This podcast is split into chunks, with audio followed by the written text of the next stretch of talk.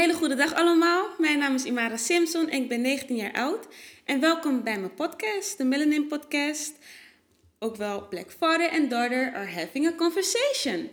Um, ik heb dit bedacht omdat ik meerdere mensen heb gezien die een uh, podcast hadden op Spotify. En heel veel mensen beginnen een podcast. En ik dacht, nou, ik wil er ook één. Maar hoe kunnen we hem een beetje anders doen, weet je? Er zijn verschillende soorten. En ik dacht, oké, een zwarte vader die met, haar doch met, die met zijn dochter in gesprek gaat, heb ik nog niet eerder gezien. En het leek me een hartstikke leuk idee. Omdat ik ook heel vaak gesprekken voer met mijn vader. Hij komt heel vaak naar mijn kamer toe en dan zegt hij van... Ja, Jemara, dit en dit en dit. Heb je dit gezien? Wat vind je hiervan? En ik vraag mijn vader ook heel vaak tips. Dus ik dacht, hoe leuk is dat om dat in een podcast te doen? Dus ik ga mijn vader maar aankondigen. Ja, de vader van Imar. En best wel spannend, zoals Imar aangeeft, om, uh, om dit bedrijf te starten. Ik vind het wel leuk ook. Ja. Ja. Een uitdaging eigenlijk. Ja, want toen ik tegen jou zei van... Papa, dat is een leuk idee om een samen een podcast te doen. Toen zei van, hm, ik weet het niet hoor. Ja, ik dacht eerst van ja, podcast, weet je wel, al die moderne dingen die er tegenwoordig zijn. Maar toen dacht ik van hé, hey, een podcast is bijna eigenlijk hetzelfde als een soort radioprogramma. dat heb ik vroeger ook gedaan op een Surinaamse radio. Ja. En ik dacht, hé, hey, misschien wel leuk om dat creatieve met, Ima, met Imar op te starten. Dus met jou als dochter eh, samen op te trekken daarin. Ik je ben bent ook best wel creatief. Ja, Dus- ik ben in ieder geval blij dat je mee wilt doen. ja. Want het is ook gewoon een leuke vrije tijdsbesteding. En ik denk ook dat de mensen het zelf heel leuk gaan vinden. Ja, En eh, we hoop gaan ik. het dus hebben over verschillende dingen. Hè. We gaan Ja. het niet alleen maar hebben over mijn jeugd, hoe jij bent geweest, hoe jouw jeugd was. Gewoon algemene gesprekken, maar ook gewoon bepaalde dingen die gebeuren in de wereld. Ja, Dat gaan we ook bespreken. net als we thuis doen eigenlijk. Ja, zoals we altijd doen. Ja, lijkt me leuk.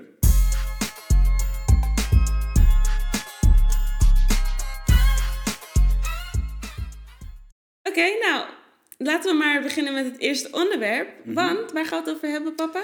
We gaan het over opvoeding hebben. Hè? Een beetje over hoe jij opgevoed bent, hoe ik ben opgevoed en Ja. hoe jij daar tegenaan kijkt. Ja. Nadat je nu toch wel al 19 jaartjes jong bent, hè? Ja, Ja, hoe je dat hebt ervaren. Ja, inderdaad. En eigenlijk wil ik beginnen met te zeggen dat ik wel heel blij ben met de opvoeding. Nou, je hebt ons eh, goed grootgebracht, mij en mijn broer. Ik vond het ook eh, wel eh, dat je hè, altijd voor ons klaar stond. Maar ik wil het over één ding hebben, papa, want ik heb het al een paar keer gezegd. Waarom vond jij het zo belangrijk dat je dochter hoge cijfers moet halen? Je wilde zo graag van, hé, dat je tienen, het liefst tienen had je gezien. Daar werd je helemaal blij van. Maar ik heb heel veel gemerkt dat ook in de zwarte gemeenschap het vaak voorkomt. Dat een vader of moeder wil van je kind moet echt het beste alles eruit halen en de hoogste cijfers halen. Ja, laten we bij het laatste beginnen. Alles eruit halen wat in je mogelijkheden zijn. Hè? Dus Mhm. het is niet zo dat ik zeg van oké, een kind moet allemaal, allemaal, iedereen moet allemaal ateneum halen of VWO of hoe je het wilt noemen. Maar als ik zie dat je potentie hebt om dat te behalen, dat vind ik wel. En dat kan op meerdere fronten zijn. Hè? Maar dan vind ik wel dat je gewoon alles eruit moet halen. Dus ik heb jullie wel een bepaalde waarde meegegeven, denk, hoop ik. Dat je gaat er niet de kansjes van aflopen. Je haalt alles uit wat erin zit. Dus dat heb ik wel eh, ja, misschien bij dat heb ik wat wel meer gedaan. gemerkt, ja. Want je was er best wel streng in. En ik had het dan af en toe dat ik toch wel ging huilen als ik bijvoorbeeld een, een, een laag cijfer had en zo. En dat kinderen echt in mijn klas zeiden van ja, waarom huil je? Je hebt een zes. Ja, en dat is misschien ook weer niet goed hè, dat ik dat heb gedaan. Hè? Dat, je dus, dat je dan die druk hebt gevoerd. Maar tegelijkertijd weten we ook dat de samenleving veel eisend is. En ik probeerde je daar toch op mijn manier, misschien dan, ja, het is niet goed te praten hoor, op voor te bereiden. Dus ja, het is wel zo, je moet je wel de potentie in je zien, dat Ja. je dat kan. En dan, ga ik, dan vind ik wel dat je alles eruit moet halen. Dus dat nou, is dat, dat begrijp ik wel. Ik ben blij ook dat je die uitleg kan geven en niet gewoon zeggen, ja, dat was ik en dat is gewoon zo. Ja. Maar ja, dat je die uitleg geeft. En wat ik ook altijd heel, wat ik wel heel leuk vond altijd op de basisschool is, meerdere kinderen hadden dat als je moeder, vader en in het bijzonder als jij als vader op school kwam, was je echt trots. Je wilde echt laten zien van, hé, hey, mijn vader komt. En jij was ook altijd van, je laat, die beschermende rol nam je echt op jou als vader. Ja, ik, ben blij dat je dat zo ervaren hebt. Kijk, zelf heb ik dat niet gehad. Hè? Dus het is een beetje ook dat ik datgene wat ik niet gehad graag ook wilde geven aan mijn kinderen. Ik bedoel, mijn vader kwam mij niet ophalen na de scheiding helemaal niet. En zo, zo in die tijd haalde vader die helemaal niet op. Dat was de moeder die dat, eh, ja, dat was de moeder die dan de opvoeding deed. Hè? Wat meer eh, thuis eh, situatie moet regelen, organiseren. En ik vond het juist zo mooi om te zien dat andere kinderen hun vaders eh kwamen ophalen. En ik dacht, oh, als ik later groot ben, wil ik dat ook. Ik heb dat gemist. Dus dat heb ik dus, eh, ja, wel geprobeerd om dat te compenseren door middel van jullie, bij jullie te doen. En ik vind ook dat je dat heel leuk vond. Ja. En hoe vond je dat, hè? Want ik, soms als ik op TikTok ook zie, als een kleine meisje dan op school is en zo, en met schoolvriendjes en dat soort dingen.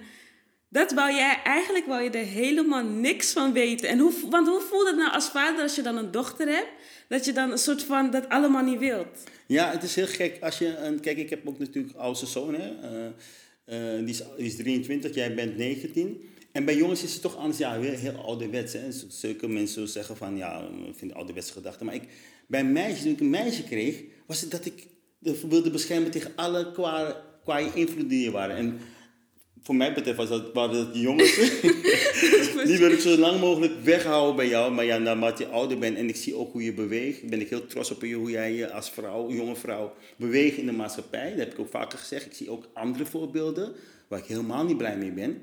Hè? Uh, maar jij, ja, ja, jij doet het goed. Dan, en dan kan ik het met gerustheid ook loslaten, dat stukje wat ik vroeg had. Ik zei altijd dat, ja, ik wil pas dat ze als 30 jaar is met een, een man thuis komen. En begint mevrouw ook altijd lachen. Dat, wat voor gekkigheid is dat Baltisch. Ja. Dus ja, dat klopt.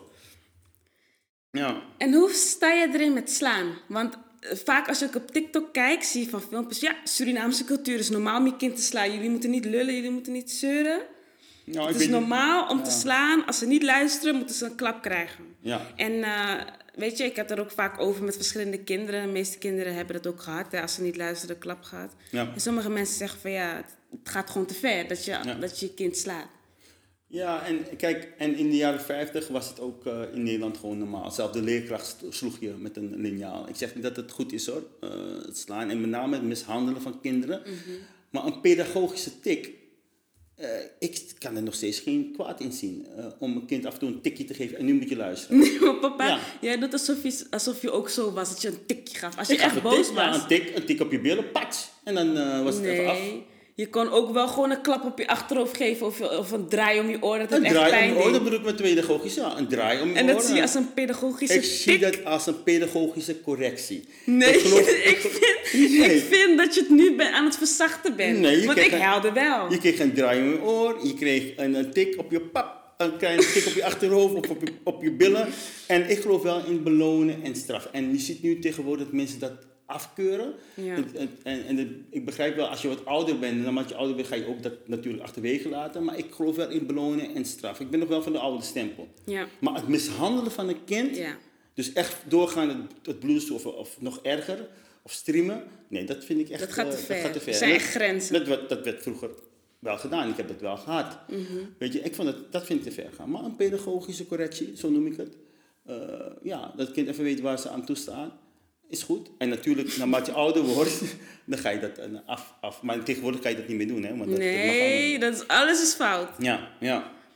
Ja, ik, ik, ik vind het wel gek, want zeg maar, jij was dan wel, dat zo, zo stond je erin. Ja. En mijn moeder, die deed dat helemaal niet. Nee. Die, die was helemaal niet van het tik geven of ze was veel meer praten. Ja.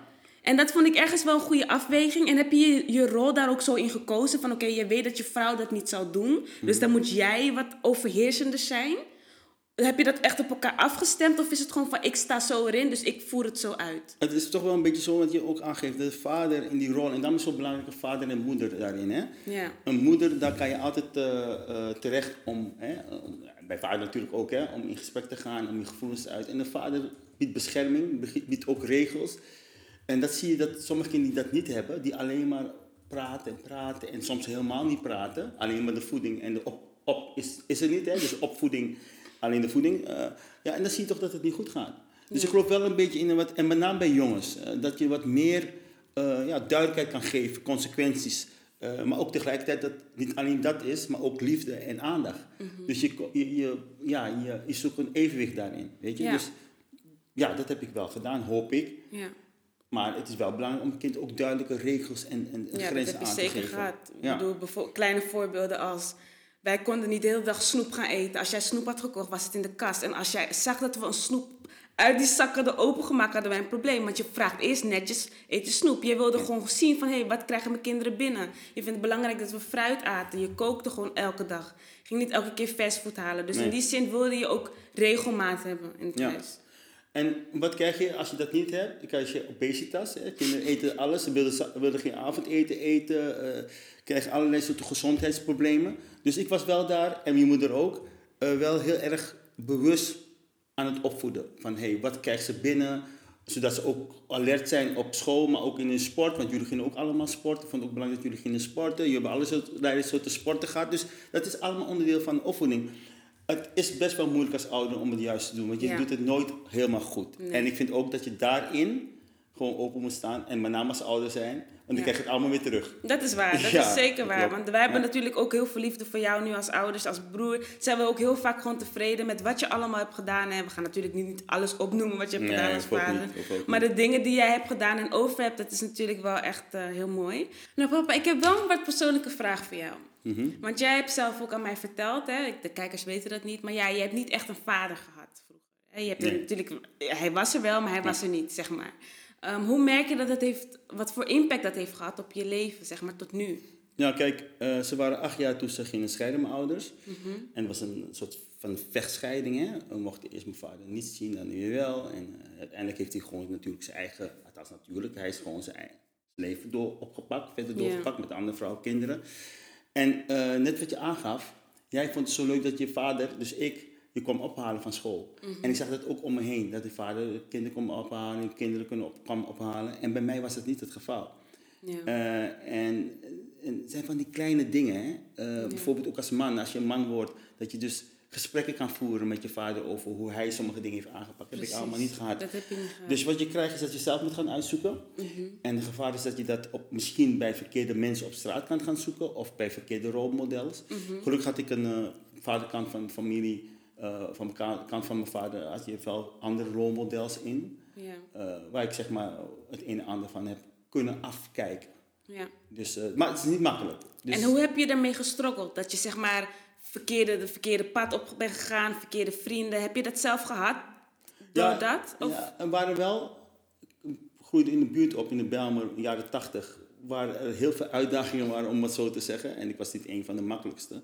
Maar tegelijkertijd had ik wel een hele strenge moeder ook. Ja. En eh, we moesten wel altijd om zes uur s'avonds uh, thuiskomen om te eten. En ze gingen me altijd uitlachen.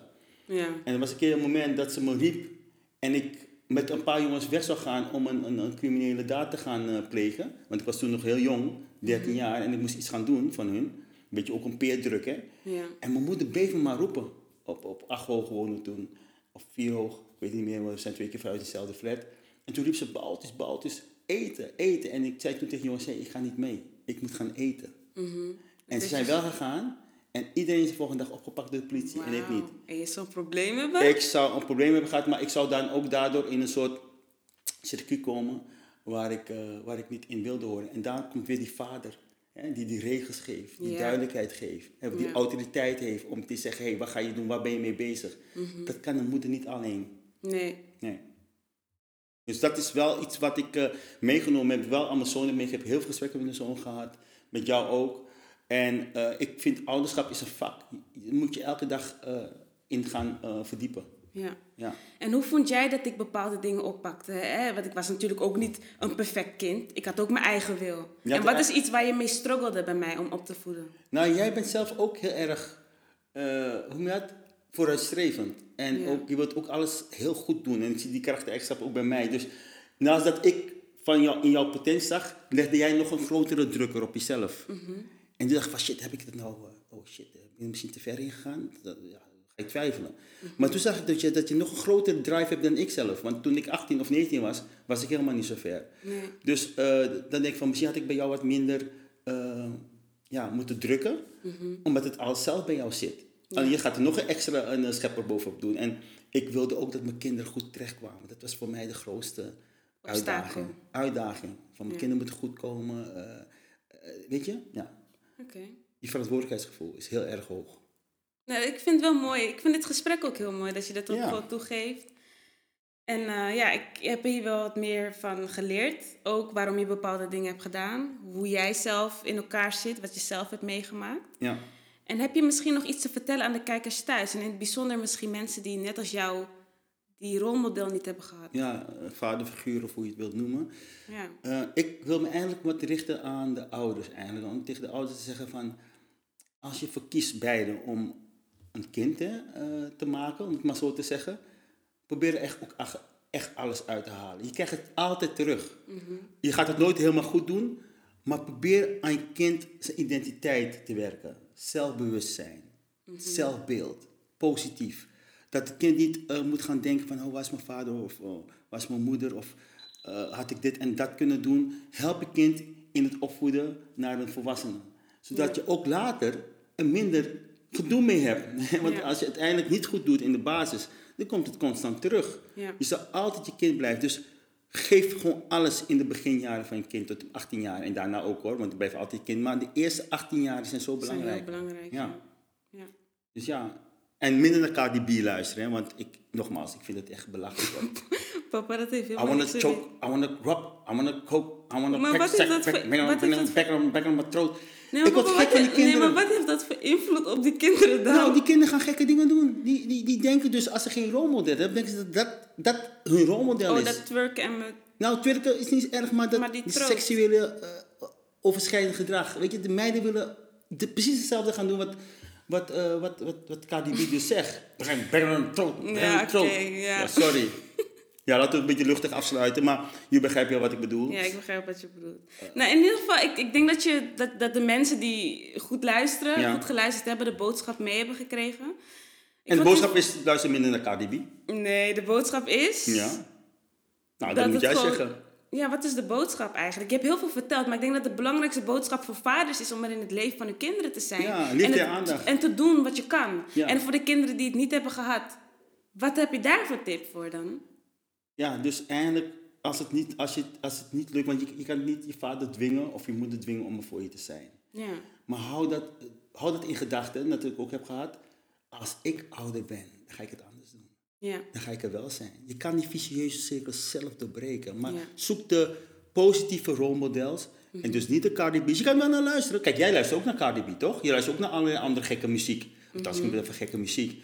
Maar je, je weet dat het een sprookje is. Je weet dat het nep is. Je gaat je niet naar gedragen. Want als je naar gaat gedragen... En ik ben een vader, ik ben ook een man. Mannen vinden het leuk als je zo gaat eh, gedragen. Maar op de duur, als ze echt een vrouw gaan zoeken... Dan gaan ze echt niet naar jou toe, hoor. Echt niet. Dus ja, dat heb ik eigenlijk... eh, als oude lul eh, mee te geven. Nou, ik, eh, ik vond het in ieder geval een leuke podcast. Ik ook. Fijn dat we gewoon lekker konden praten, geen restricties. Je kan het over Ja. van alles hebben, net als Klopt. hoe onze gesprekken ook altijd alle kanten op gaan. Ja, Want dat hebben we beide wel. ja. Nou, ik wil bedankt voor de eerste aflevering dat je wilde doen. Het was heel spannend. Ik weet niet als, dat jullie dat ook opgemerkt hebben, dat ik het spannend Ja. vond. Ik denk dat jij het ook een klein beetje spannend vond natuurlijk. Jawel. En natuurlijk, niet iedereen gaat ermee eens zijn met wat wij zeggen. Dat maakt ook niet uit. Nee. Ik vind ook dat er een verschil van mening moet zijn. Dus ja, Ja. ik ben benieuwd naar de, op, naar de op aanmerkingen van mensen. Ja, precies. Want dat is fijn dat je het zegt, want ik was het alweer bijna vergeten. We hebben een e-mailadres, eh, dat eh, heet de Melanin Podcast. Hopelijk kan ik het ook ergens linken hier in de beschrijving van deze podcast. Mail daar vooral je input naar. eh, misschien iets wat je zelf hebt meegemaakt, waar mijn vader tips over kan geven, want dat kan hij best wel goed. En verder volg ons op onze social media kanalen. Die staan ook in de beschrijving. Zorg ervoor dat je up-to-date blijft en dat je alles blijft zien en kijken. En hopelijk tot de volgende aflevering, want ik vond het in ieder geval heel leuk dat je luistert.